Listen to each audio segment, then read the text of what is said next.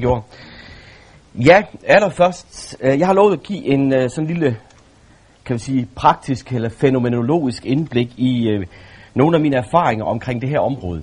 Og øh, jeg skal gerne indrømme, at jeg har det sådan som de fleste teenager, at som egentlig burde gå rundt med et skilt bagpå, hvor der står under konstant ombygning. Øh, og for dermed også at, at signalere, at øh, øh, man forandrer sig hen ad vejen, også på baggrund af både af den teori og den praksis, som øh, man, man bliver involveret i. Men i hvert fald får jeg her sådan mine meget højst personlige tanker omkring de her ting, og så kan det forhåbentlig give nogle stikord til samtalen, også øh, ved i grupperne bagefter. På vejen herover, der så jeg lige en overskrift på i Ekstrabladet. På forsiden, det var altså en, jeg stjal mig til, jeg køber den nemlig ikke selv. Jeg køber altid BT. Men der stod sådan med relativt stor, stor skrift, Peter Kjær bad til Gud. Og det må indrømme, det gjorde mig lidt nysgerrig. Er der nogen, der ikke ved, hvem Peter Kjær er? Godt. Peter Kjær er, var landsholdsmålmand under kampen i går aftes. Han bad til Gud, og hvornår gjorde han det? Jeg bad om at måtte låne den sådan, så en gang kan stige sig ind på et ekstra blad, sådan under legitimering af, at jeg vil være åndelig. så jeg fik lov til at låne den, og så læste jeg så der, at der i de sidste 10 minutter, hvor det virkelig brændte på, øh, hvor Peter Kær, han havde en, en, en feberredning, for at sige det mildt, at der, der, der, ud, der udtalte han sig bagefter, det er utroligt, hvad man kan nå at tænke i den situation. Og i den situation bad jeg, noget jeg bedt til Gud. Og så må jeg sige, at nogle gange så svarer Gud altså meget, meget hurtigt. meget, meget hurtigt. Det er senere afbrændt. Det er ikke altid Gud tøver, vil jeg sige. Det er for så vidt egentlig ikke særlig interessant. Jo, jeg, altså, jeg synes da, det er okay, og det glæder mig da, at, at, at Peter Kær beder til Gud. Det, jeg synes er interessant, det er, at det kommer på forsiden af Ekstrabladet. Altså det at bede til Gud er jo ikke ligefrem nogen fuldstændig vanvittig blændende nyhed. Og så alligevel, så kommer det på forsiden af Ekstrabladet. Peter Kær bad til Gud. Og jeg tror, vi er sådan lidt inde i, i, i den samme boldgade, når vi også har den, den her øh, nutidige, meget omfattende interesse, for eksempel for åndernes magt. At det med det religiøse er pludselig blevet legitimt, at ikke bare at, at, at være religiøs, men også det at tale om det. Men også at tale om det i det åbne rum. Det er noget forholdsvis nyt. I nogle år har vi godt sådan kunne tale om det ved fester og den slags ting og sager. Det er fint nok. Men, men, men sådan i det åbne rum. Og i den forstand, så tror jeg egentlig, at udsendelsesserien Åndernes Magt har haft en positiv effekt. Det er, at det har fjernet det åndelige fra en isolation i nogle ganske bestemte, kan vi sige, sektorer, enten i vores liv eller i grupper af mennesker. Og så ført spørgsmål om det åndelige ind i et åbent rum. Det tror jeg er en meget positiv ting. Jeg tror, at åndernes magt og den udsendelsesserie har været med til at give et sprogligt og fænomenologisk rum for menneskers egen erfaringsverden. Det har givet dem også været med til måske at give dem et sprog i forhold til en at kunne beskrive nogle af deres erfaringer, deres oplevelser. Det er så det positive. Det, som måske så samtidig denne udsendelsesrække har, har, han altså har forårsaget noget negativt omkring, det er, at måske er det sådan, at de udsendelsesrækker også er med til at marginalisere uforklarlige fænomener, som blot det overnaturlige. At det uforklarlige bliver altid overnaturligt. Og så får man pludselig et sprog til, han har sagt næsten med det samme, at beskrive det uforklarlige som noget overnaturligt.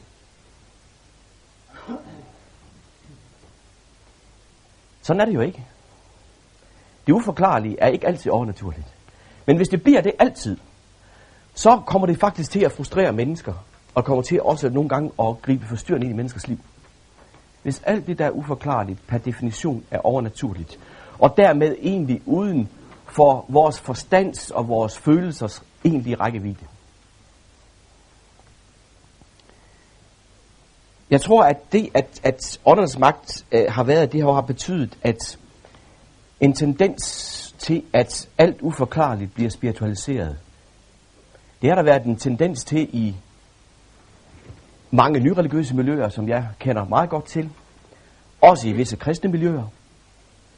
Men nu er det altså også blevet i det, kan vi sige, normale, eller i det brede religiøse rum, at der bliver alt uforklarligt også pludselig spiritualiseret. Problemet er, opstår så, når de mennesker har nogle erfaringer, som de så per definition flytter over i kategorien overnaturligt. At så står de pludselig uden redskaber til at forholde sig fornuftigt til det, når det pludselig bliver en erfaringsdimension i deres eget liv. Så længe de blot kan holde det herfra og op efter, så er det fint nok. Men i det øjeblik, det begynder at påvirke dem hele deres liv, så får de et problem. Og det tror jeg er en af grundene til, at vi i hvert fald er nogen, der har oplevet en, tør jeg næsten sige, stormvær øh, af mennesker, som er kommet for at få hjælp til både at forklare, men også at tyde nogle af de, som de kalder det, overnaturlige fænomener, der er i deres liv. De har ikke selv længere nogen redskaber. Grunden til, at de ikke har det, det kan vi så snakke en masse ting om, det bliver for ikke tid til her. Men selvfølgelig noget at gøre med, med manglende tradition. Øhm, lad mig bare fortælle en lille historie, som jeg hørte i går, af et menneske, som jeg betragter meget troværdigt. Han fortalte, at hans niese, som helt lille, havde været på besøg i noget, i, i, i noget andet families hjem. Og der har hun så ligget sammen med sin kusine i sengen, og var vågnet meget tidligt. Og der hun ligger der meget, meget tidligt af lys vågen, så ser hun pludselig en skikkelse gå ud af klædeskabet.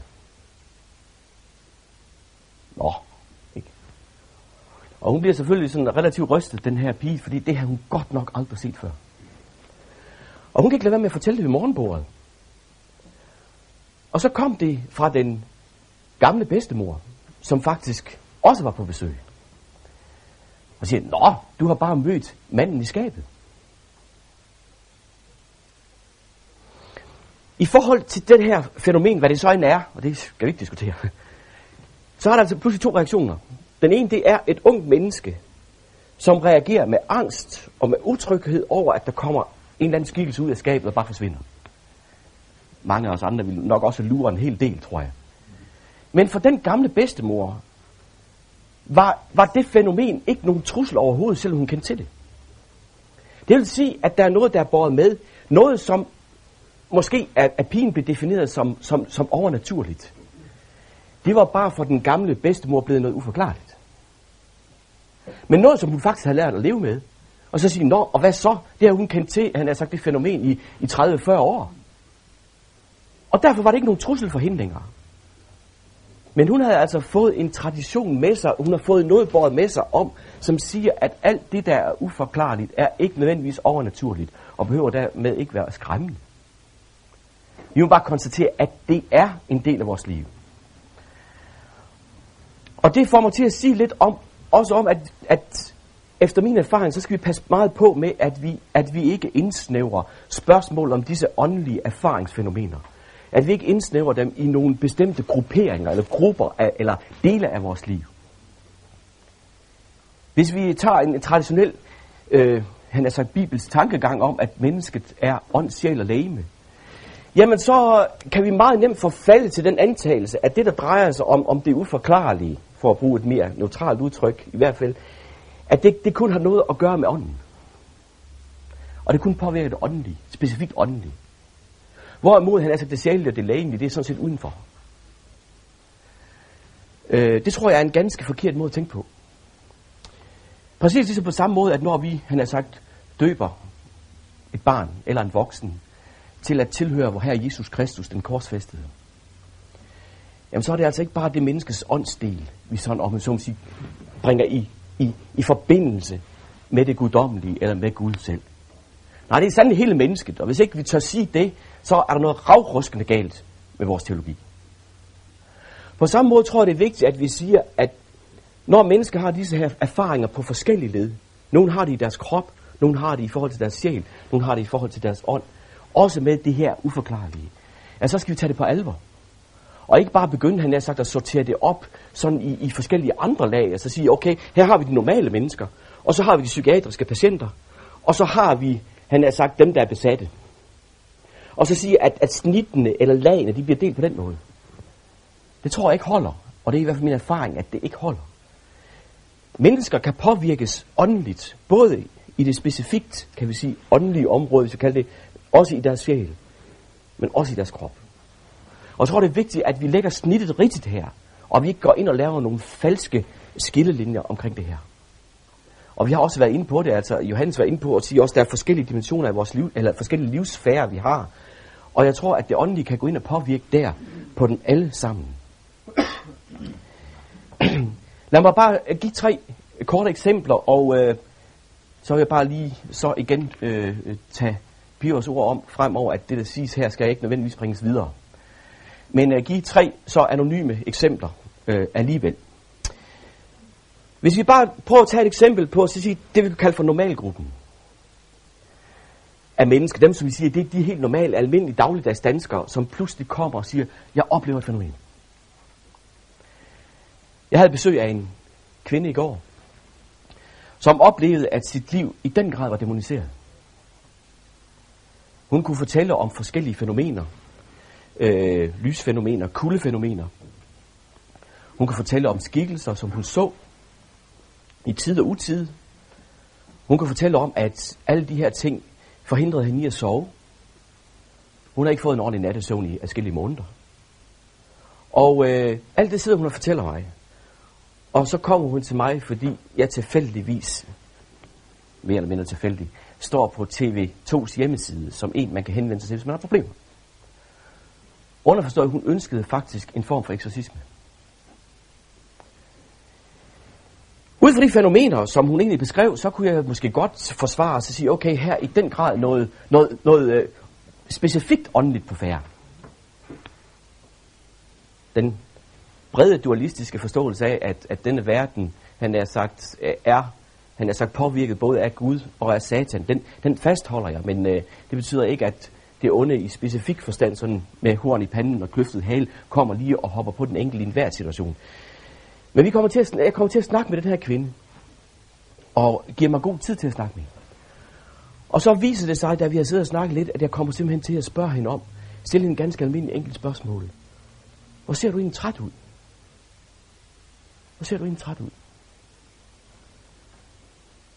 Og det var ligesom at, at, at han har sagt, give hende et, et, et, slag med en stok. Hun stivner fuldstændig. Hvorefter at samtalen ikke går fra at tale om spøgelser og gespenster og mærkelige fænomener, pludselig til at tale til en tale om hendes livssituation. Hvor hun sidder som et menneske, der er presset op over begge ører, er alene mor til tre, øh, har stort set ikke sovet i, i flere døgn, og hun er simpelthen bare totalt udkørt. Og samtidig så har hun en utrolig voldsomt ønske om at være den perfekte mor. Og kunne klare alting. Der spekulerer jeg nogle gange på, hvordan udmyndter en, en, en, en sådan konflikt i et menneske sig egentlig nogle gange. Når man når dertil, hvor man ikke længere kan bære på det. Så for hende tror jeg, at det her tal betød en projicering. En projicering over på noget åndeligt, også nogle åndelige fænomener. Som vel at mærke, den definition, den overføring, eller den, den, ja, den overføring, som hun har lavet, den var først startet, efter hun var begyndt at se TV2's udsendelser omkring åndernes magt. Og der fik hun pludselig foræret et sprog, eller nogle symboler, som kunne være med til at, at, at sætte, sætte ord på noget i hendes liv, som er utroligt konfliktfyldt. Jeg var meget glad for, at jeg ikke tilbød hende eksorcisme. Fordi jeg øh, vil sige, at hun er over, efter min bedste mening overhovedet ikke besat. Hun er et ulykkeligt menneske, der er kørt fuldstændig ud i tovene. Almindeligt. menneskeligt. Og har bare grebet et halmstrå, bare dog kunne forklare, hvad der, der sker i hende, hvorfor hun ikke kan klare alle de her ting. I stedet for, så blev det en forbøn for hende, en personlig forbøn, og en invitation ind i et fællesskab, hvor hun kan få lov til at dele sine frustrationer med en hel masse andre, der har det lige sådan. Og så gav han det gode råd at tage på 14 dages ferie uden unger sammen med en god veninde. Det er bare for at sige, at, at her har vi en person, som pludselig tyder alle mine menneskelige forhold og problemer, som vi alle sammen kan have i større eller mindre udstrækning, decideret over i et, et åndeligt område. Og hvor hun egentlig kan, kan komme og fortælle om nogle oplevelser, erfaringer, som, øh, som kunne tyde på, eller lige så godt kunne have fundet sted i en besættelsessfære, eller en demoniseringsfase. Jo, hendes liv var, var måske demoniseret i en eller anden forstand, i og med, at hun øh, var i færd med at miste sig selv. Det var det ene. Øhm, et andet kort eksempel af samme type, det er en kvinde, der ringer til mig, øh, som bor ikke så fald langt, hvor jeg bor, og så siger, jeg er simpelthen skræmt for sans. Kom ud i min lejlighed, der er simpelthen noget derude, som gør mig redselslagen. Jeg kommer ud til hende, og hun siger, der er, en, der er en skikkelse her, som hele tiden står over mig, når jeg ligger i min seng.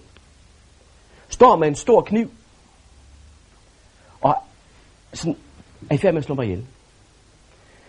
Uanset hvad det så var, så, så er det altså, altså ret ubehageligt. Han har sagt hver eneste gang, men sådan stort set er ved at vågne eller ved at falde i søvn, så står der sådan en skikkelse over en. Øh, hvad det så er, det kan vi så diskutere. Hun havde haft besøg af en klaverjant. Hun siger, en må hjælpe mig med det her. Hvad er det for noget, det her? Og den klaverjante havde bekræftet kvinden i, jamen, det der er tale om her, det er gammelt grønjakkeområde. Ved I, hvad grønjakke er for noget? Okay, det er sådan nogle uh, lidt barske typer, som ikke rigtig er rockertyper, eller uh, sådan, men øh, sådan kan have lidt barske udtryksformer, og være ret firkantet, have lidt fascistoide tendenser også, den slags ting. Det er et gammelt grønjakkeområde, og det er, der har boet en grønjakke her i lejligheden. Og det er en grønjakke, der står her og er ved at true dig nu, fordi du er gået ind på vedkommendes eneværker. Det var noget en besked at få, ikke sandt? Og blive bekræftet, simpelthen, der er noget her. Udover at den klaviant absolut ikke har ret i det gamle grønjakkeområde, det er sådan en anden side af sagen, fordi jeg har boet i det område i, i meget, meget lang tid. Så det var ikke der, de holdt til. Men for hende blev det en tydning, som, som, som, som i en vis forstand gav hende ro. Men det gav hende bestemt ikke fred, fordi grønjakken forsvandt ikke. Og så spurgte hun, kan du hjælpe mig? Så sagde jeg, det ved jeg godt nok ikke. Så sagde han, jeg vil godt gå rundt i din lejlighed, og så mærke efter, om der er noget. Ikke? Altså, ja. Jamen, vi skal, vi skal ikke tage fejl. Vi skal ikke tage fejl af de små ritualer. Det, det, altså, jeg, gør, jeg laver jo en slags rituel vandring, hvor jeg stopper op, og han har sagt, og, og han har sagt, vender mig til Gud og, og, beder om, og han har sagt, at give mig en melding om, er der noget, eller er der ikke noget? Hvad er det, der skræmmer ikke? For hende blev det en rituel vandring, hvor jeg ligesom gik rundt og gjorde sådan en klaverjante. Troede hun. Og prøvede for at fornemme. Og jeg sagde, jeg kan ikke fornemme noget som helst. Jeg synes, du har en stor, dejlig, lys lejlighed. Det må være et fund at få sådan en lejlighed her på Østerbro. Du, du må have alle muligheder for at kunne glæde dig her. Det kunne hun godt nok ikke. Vi sætter os ned, og så fik jeg en meget, meget lang snak med hende. Og på et andet tidspunkt, så øh, kom det til mig. Formodentlig heligånden på en eller anden led. Hvor jeg gav mig til simpelthen og, og, og sådan fuldstændig uformidlet at hoppe helt tilbage til hendes egen opvækst. Sådan lige, bum.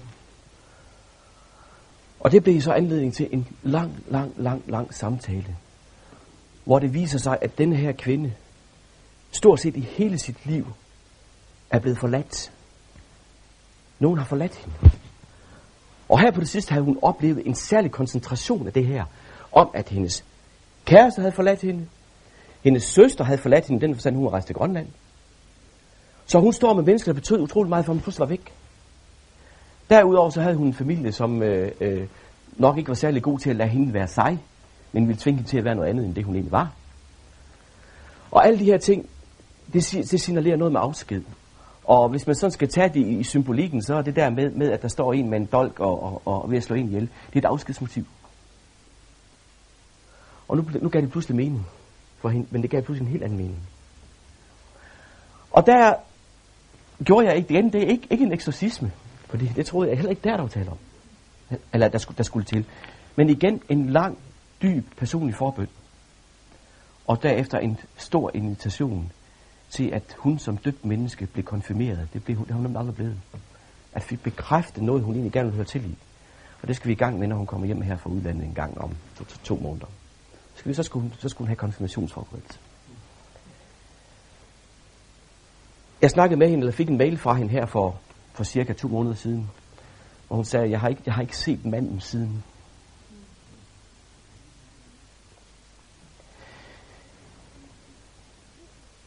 Et eksempel mere. Det er i fra gruppen af psykisk syge, hvor øh, det er meget nemt at sige, enten er folk psykisk syge, eller også er, er der noget, øh, noget dæmonisk på færre. Ikke? Og det er sådan en gruppe øh, mennesker, som i hvert fald der er nogle grænsetilfælde der, hvor både vi som præster og vores psykologer og psykiater i den grad har vanskeligheder. Der er en gråzone der, som er forfærdeligt, fordi vi ikke ved, hvad der er høn og æg. Et religiøst problem kan føre til psykisk sygdom og omvendt. Og øh, der har jeg oplevet et par gange, hvor det har været aldeles nyttigt, at jeg og en psykiater har siddet sammen med en klient konfident. For egentlig at finde ud af, om det er det ene eller det andet, eller om det eventuelt er begge dele. Og der har jeg faktisk i et par tilfælde fundet ud af, at der, der er altså flere ting på færre her. Der er både en åndelig dimension, som der i den grad er ro i. En relation, et forhold, også til Gud, der er blevet brudt og gået i stykker. Men hvor der også sideløbende kan være tale om en, en, sindssygdom. For psykiateren var det utrolig vigtigt at få skilt tingene ad, så han kunne finde ud af, hvor han var i behandlingen. Og for konfidenten var det utrolig vigtigt at finde ud af, hvor det religiøse var hen i alt det her. Øhm, ikke mere om det, fordi tiden løber. Og så et sidste eksempel, inden jeg afslutter. Det er, jeg har også oplevet situationer, hvor jeg har måttet sige, at her drejer det sig om, for mig at se, en regulær demonisering, eventuelt en besættelse. Det er ikke de hyppigste eksempler, jeg har. Jeg har nok oplevet det tre gange. Øh, men hvor der er tale om, at et menneske var simpelthen øh, totalt fanget ind af, øh, og ja, han altså hele vedkommendes liv var blevet forvrænget, både fysisk, psykisk og åndeligt, af noget, som havde taget over. Vedkommende har haft en usund interesse for det okulte, og øh, den indfaldsport, den er velkendt til det her. Øh, jeg har oplevet fænomener i hendes hjem, som jeg ikke har troet ville være muligt. Øh, jeg står fuldstændig uden forklaring. Jeg kan bare konstatere, at. Øh, og i en af de situationer med, med, med, med en kvinde her, men der gik vi ind i en udfrielseshandling, hvor jeg sammen med en tidligere missionær øh, foretog udfrielseshandlingen. Hvilket fik den helt klar øh, positive virkning, at øh, hun fik samling på sig selv, hun fandt sig selv, men også at det hjem, hun boede i, han er så blevet fredfyldt hjem. Hun var så tæt på at flytte, så man smid alt, og så løb skrigende væk. Nu bor hun i de samme lokaler, trygt og godt. Og der er ikke i tvivl om, at, at der er sket noget, og det giver hun selv udtryk for, som var utrolig positivt. Noget, som, som forandrede hendes liv. Så lad mig bare lige få nogle ting, få ting til, øh, til det Bio allerede har sagt heroppe omkring. Det er, at for mig er det utrolig vigtigt, at når vi nærmer os de her ting, uanset om det er det ene eller det andet eller det tredje, det er, at øh, vi får det her ekspertsyndrom, vi får det væk. Jeg har haft meget modstand mod at stå på, sådan, på TV2's hjemmeside som ekspert. Fordi det er netop med til at, at rive det her ud af en sammenhæng, som jeg synes er meget vigtigt nemlig at menigheden er sammenhæng, hvor i det her det foregår. Øh, det er ikke, vi skal ikke udvikle sådan en række eksperter, eksorcister, der han har sagt kan alt og alle ting, og forholde sig til alt, og gennemskue alting, som Bio også rigtig sagde det. Nej, vi er nødt til at have menigheden som en sæt leben, som den virkelighed, vi handler ud fra. Og en ting er jeg også blevet klar over i alle de tilfælde, jeg har været øh, konfronteret med, med disse uforklarlige og overnaturlige ting, det er, at både den missionariske indgangsvinkel til den, det er at føre mennesker, og have i fokus at føre mennesker fra mørkets rige over i lysets rige. At det aspekt er utrolig vigtigt, det ligger simpelthen latent og pumper i baggrunden.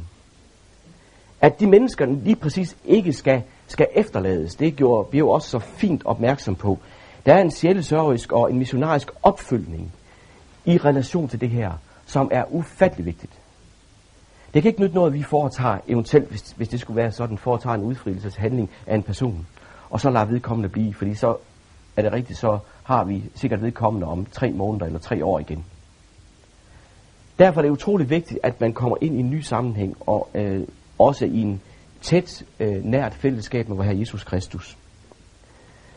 Og så er der et aspekt mere også her, som er utrolig vigtigt. Det er også noget at gøre med menighedens leben, og det er, at der skal være en diakonal opfyldning.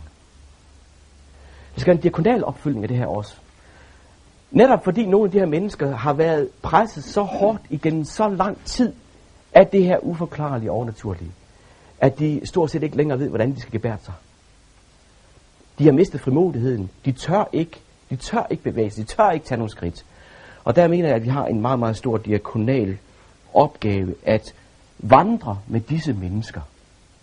Ikke bare for at tage en eller anden forbundshandling, eller en eller anden form for udfrielseshandling, eller hvad det nu måtte være, men at forblive en vandring med disse mennesker, sådan at de kommer ind på en god og sund vej, både i forhold til deres almindelige liv, men også i forhold til vor Herre Jesus Kristus.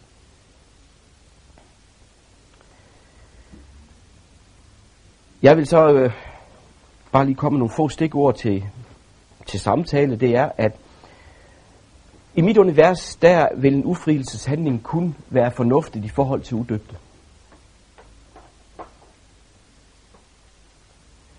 Øh, det kan I så diskutere lidt.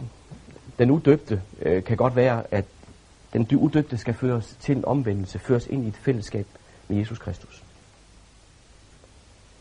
Og det kan godt starte med en udfrielseshandling.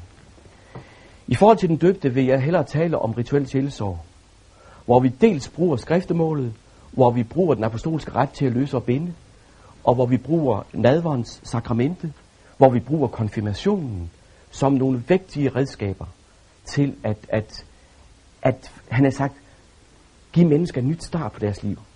Eller til eventuelt at lukke nogle lover, eller nogle, ja, nogle lover bag til i deres liv, som bare skal, skal slutte. I modsætning til, i hvert fald i det folkekirkelige regi, som jeg er i, der, der døber vi ikke folk igen. Men vi kan godt konfirmere dem mere end en gang. Det er der ikke noget til hindring for. Og det kan være en meget, meget, meget god måde for et menneske at starte et nyt liv på. Også efter det her. Og så øh, til allersidst, så vil jeg bare tage et stikord op fra den kæmpe store rapport, som vi så fint fik øh, opsummeret af Birger her. Det er, at der er et ord, der i forhold til alt det her, simpelthen står og lyser i stærke neonrør for mig. Det, det, er, det er ordet bedrag. Bedrag. I hele det her område, både det okulte område, men også omkring øh, ånder og spøgelser og gespenster og alt det her, der er så utrolig meget bedrag. Og jeg tror, at det bedrag er der, og det bedrag, det kan, vi kan blive bedraget han altså i hele vores liv. Altså i alle vores livsfære. Jeg tror ikke, det er tilfældigt, at øh, en, et, øh, en resultat af syndefaldet, det er, at det både går ind på det fysiske, på det sjælelige og på det åndelige. Adam, han fik at vide, at i dit ansigtsved skal du tjene dit brød. Det er, øh, kan man sige, hård fysik, det her, venner. Det er smerte, det er lidelse i forhold til lægemet. Og den gode Eva, hvad fik hun at vide? Jo, med smerte skal du føde børn. Det har noget med liv at gøre. Det er noget med at bringe ting til liv. Det vil sige, i det hele taget det, at, at livet selv bliver vanskeligt. Jeg mener, vi kan godt tale om identitet, tale om, om, om, om, om, øh, om det sjældne her. Og så er der også et aspekt, der drejer sig om det åndelige. Nemlig, at slangen skal hugge mennesket i hælen. Men også slangens knude skal, skal, skal knuses. De tre elementer er der, og der har vi faktisk et helhedsbillede, som netop siger, at syndefaldet får konsekvenser for hele vores menneskeliv. Og derfor må vi også, når vi taler om udfrielse, ikke bare snævre det ind til et, et, et aspekt, der har at gøre med nogle underlige fænomener, overnaturlige fænomener, men vær villig til at gå ind i samtale med mennesker om alt det, der er uforklarligt i deres liv. Og være med til, at han har sagt, at fri dem ud der, for mennesker skal nogle gange fris lige så meget i kroppen, som de skal i ånden, for at deres liv kan blive, han har sagt, et bare nogenlunde godt liv. Og så tre sætninger til sidst. I forlængelse af en, den nordiske konference, jeg har været på for klinisk personale og for, for præster, netop omkring alt det her, grænseområder omkring det her, hvor jeg holdt et foredrag øh, omkring nogle af de her ting. Der vil jeg bare sige, at i den traditionelle materialistiske kultur, der spørger man altid efter en forklaring på lidelsen. I store dele af de nye religiøse miljøer, ikke mindst der, hvor karmatænkning, reinkarnation og karmatænkning er gennemtrængende, der prøver man på at finde mening med lidelsen. I en kristen tænkning, der søger vi altid at finde en mening i lidelsen. Og så er vi tilbage ved Prøv at finde en mening i lidelsen. Lige præcis at sige, at hele vores tilværelse er også under lidelsens fortegn. Men det betyder samtidig, at hele vort liv, i alle dens dimensioner, også kan bringes over under frelsens fortegn. Og det er vigtigt, at når vi tænker udfrielse her, at vi ikke bare indsnæver den til, til, en, til, en, til en lille, særlig, special del, men at vi, at vores udfrielsestænkning, den bliver meget, meget bredere. For nu.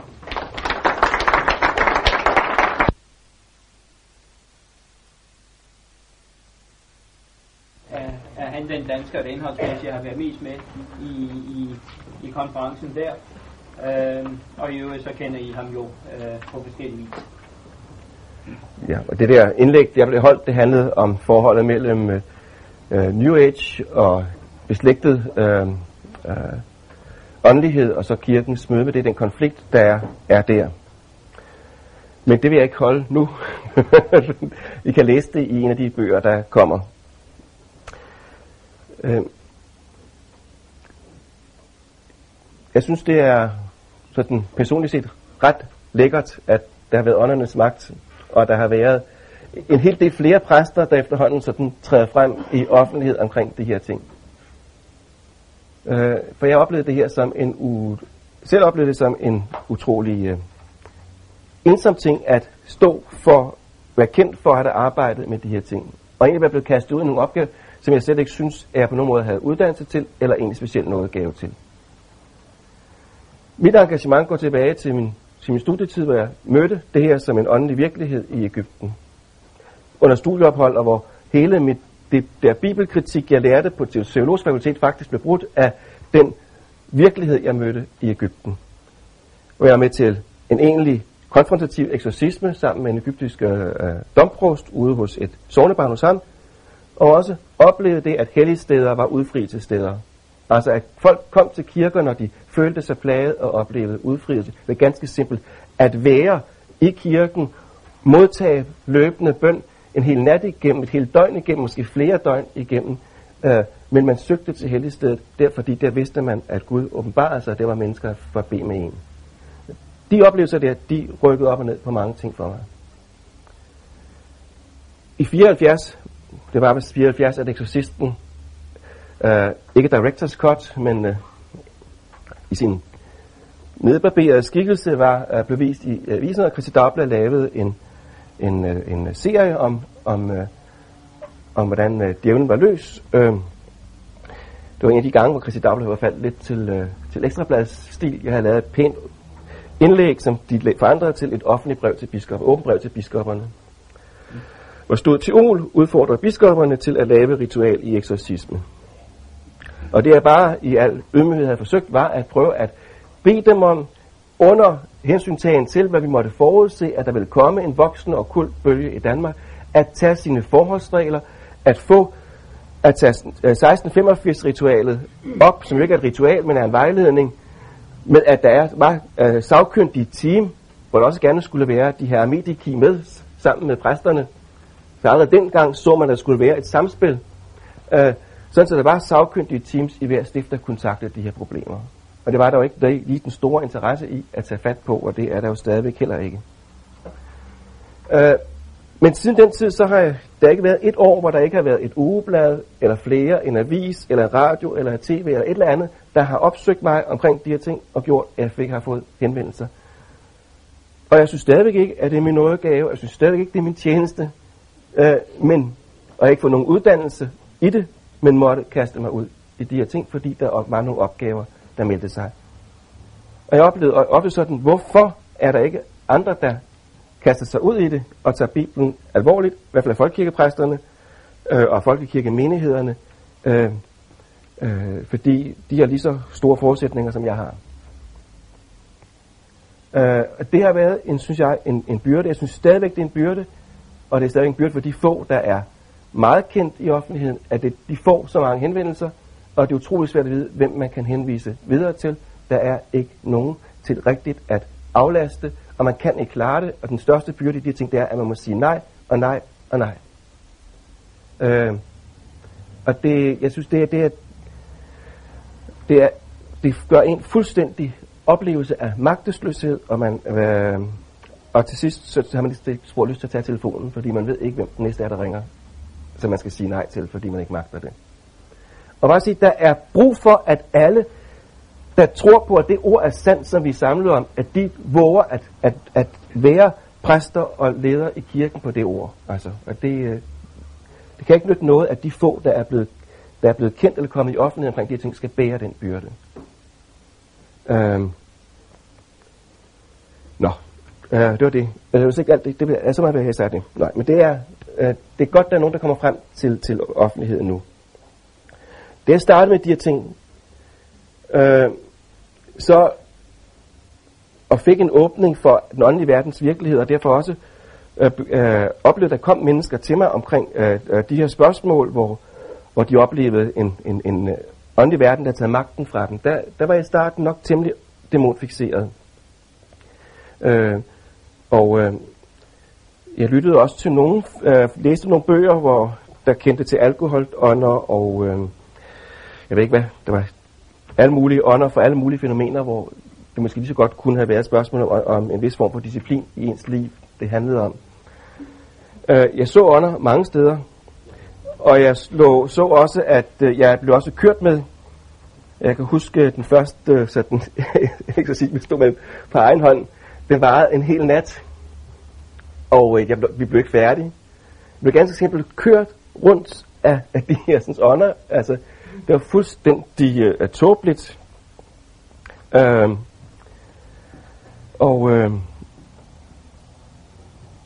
uh, så mødte jeg heldigvis på et tidspunkt en Luthers præst, der havde noget erfaring uh, i det fra uh, Amerika. Uh, og han sagde, jamen kære ven, hvorfor beder du ikke bare Gud om at så sende sine engler og stå der bi. Der er ingen grund til at skulle bruge al den tid på det sådan en uorden og sådan noget der. Så siden da har jeg bedt Gud om at sende sine engle og beskytte mig mod alt mulig voldsomhed. Øh, og det har hjulpet gevaldigt meget. Men mere og mere, så har jeg fundet ud af, at og oplevet, at, at jeg kan, hvis jeg går for meget ind på folks præmisser i starten, så kan jeg fastholde dem i en fixering på de åndelige magter, de føler sig plaget af. Og det i virkeligheden har oplevet, at det mest frugtbare er at hjælpe dem til at få opmærksomheden væk fra det onde, der plager dem, til Jesus Kristus som den, der kan sætte fri.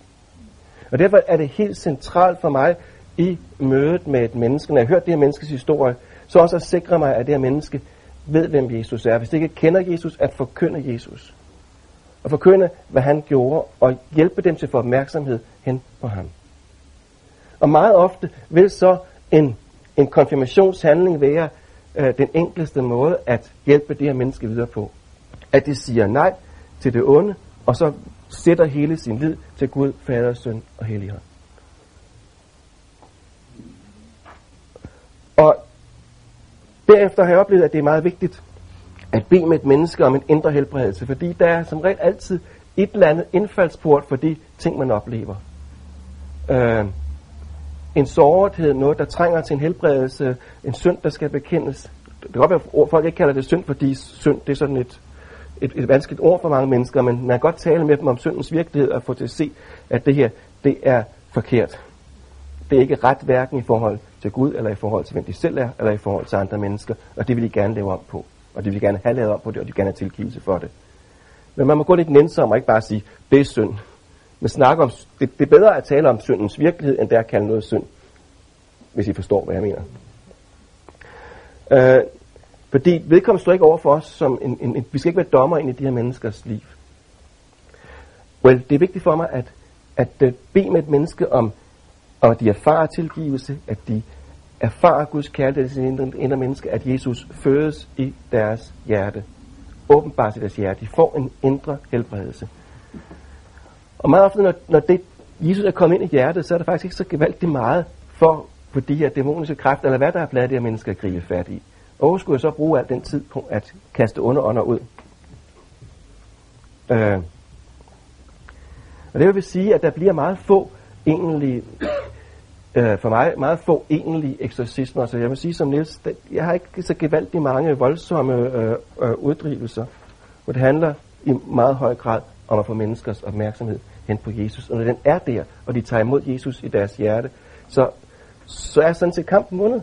Det er den jo. Øh, fordi det er ham, der er, er, er den stærkere. Men der er nogle gange noget, der sætter sig fast, og så skal der en autoritet til at sige, far ud du urene ånd, og give plads for Helligånden.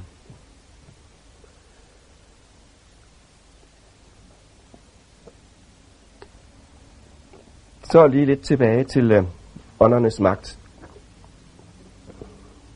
Øhm, der kom gevaldigt mange henvendelser, da åndernes magt startede, og inden at det var så dejligt, at I var flere, der kom på, så var vi øh, Agnete Simino og Niels Underbjerg og mig, og så Sten Bunde fra Ikon. Det var sådan det, der sådan repræsenterede nogenlunde det folkekirkelige felt. Øh, så det var jo der, at henvendelserne kom, og de væltede ind. Og det var uoverkommeligt. Og der var en dame, der så ringede, og jeg kunne ganske ikke komme ud, og så siger til hende, du kan bede sådan og sådan. Og så ringede hun ugen efter, og så var hun havde gjort, som jeg havde sagt, og hun oplevede ikke noget mere.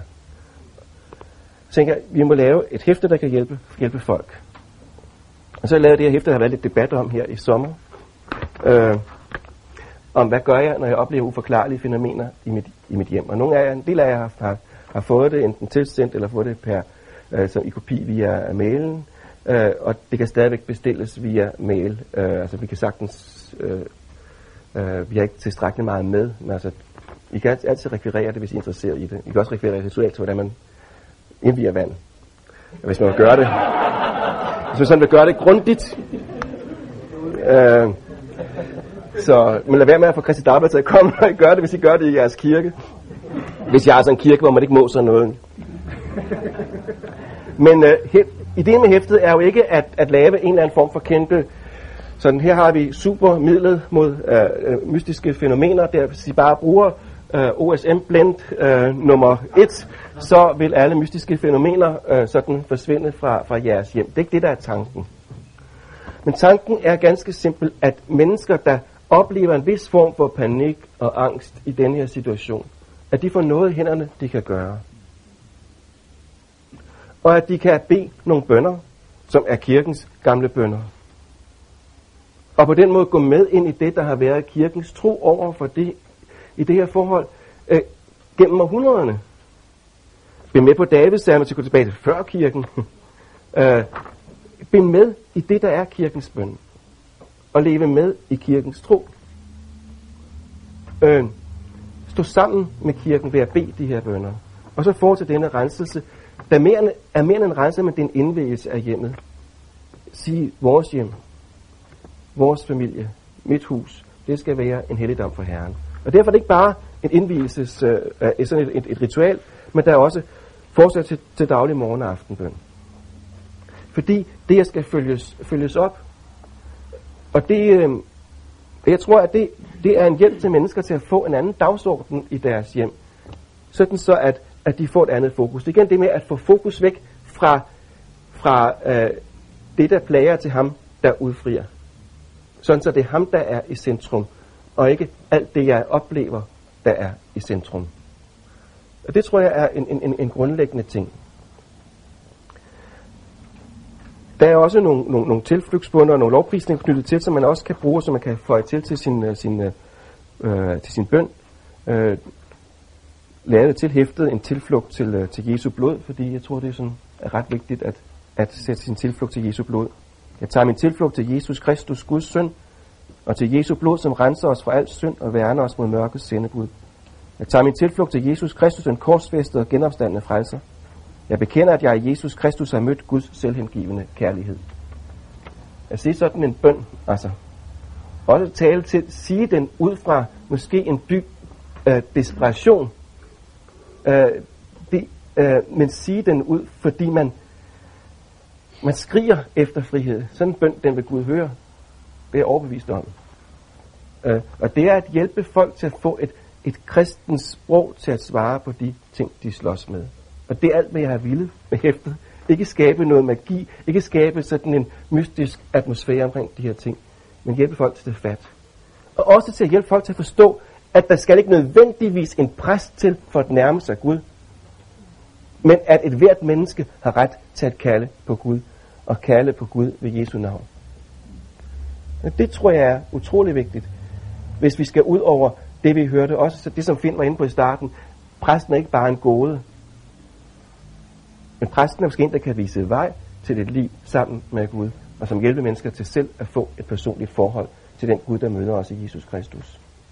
Men det er det, jeg har håbet med det her hæfte. Så synes jeg, det er godt, og det anbefaler vi også folk, at de finder nogle mennesker, der kan bede sammen med dem, at de prøver, hvis de kender nogle kristne, har nogle venner, de ved er kristne, for dem til at komme, og på den måde mobilisere deres relationer. Jeg synes faktisk, der er en del chancer i at prøve det her til at hjælpe folk øh, øh videre. Øh, ja, så jeg er nervøs for, hvis vi ser ånder alle steder, og hvis vi fastholder folk i at se ånder alle steder. Jeg oplevede, at gode udfrielser er blevet ødelagt af, af dårlige kristne bøger om eksorcisme. Øh, at øh, folk har læst, at hvis, at hvis du har hvis den dæmon, så har du de symptomer, og når de så havde de symptomer, så troede de, de havde den ånd. Og så blev de så optaget af det, at de faktisk påførte sig selv øh, øh, de lidelser, som de egentlig skulle være fri fra. Jeg synes, vi kan passe på, passe på at vi ikke bliver for optaget af den negative åndelige verden. Vores optagethed, det er Jesus Kristus. Og det er det, er det ham, vi må fokusere på. Øh, og så synes jeg, at det var vist og godt, den lille siger, med det der altid.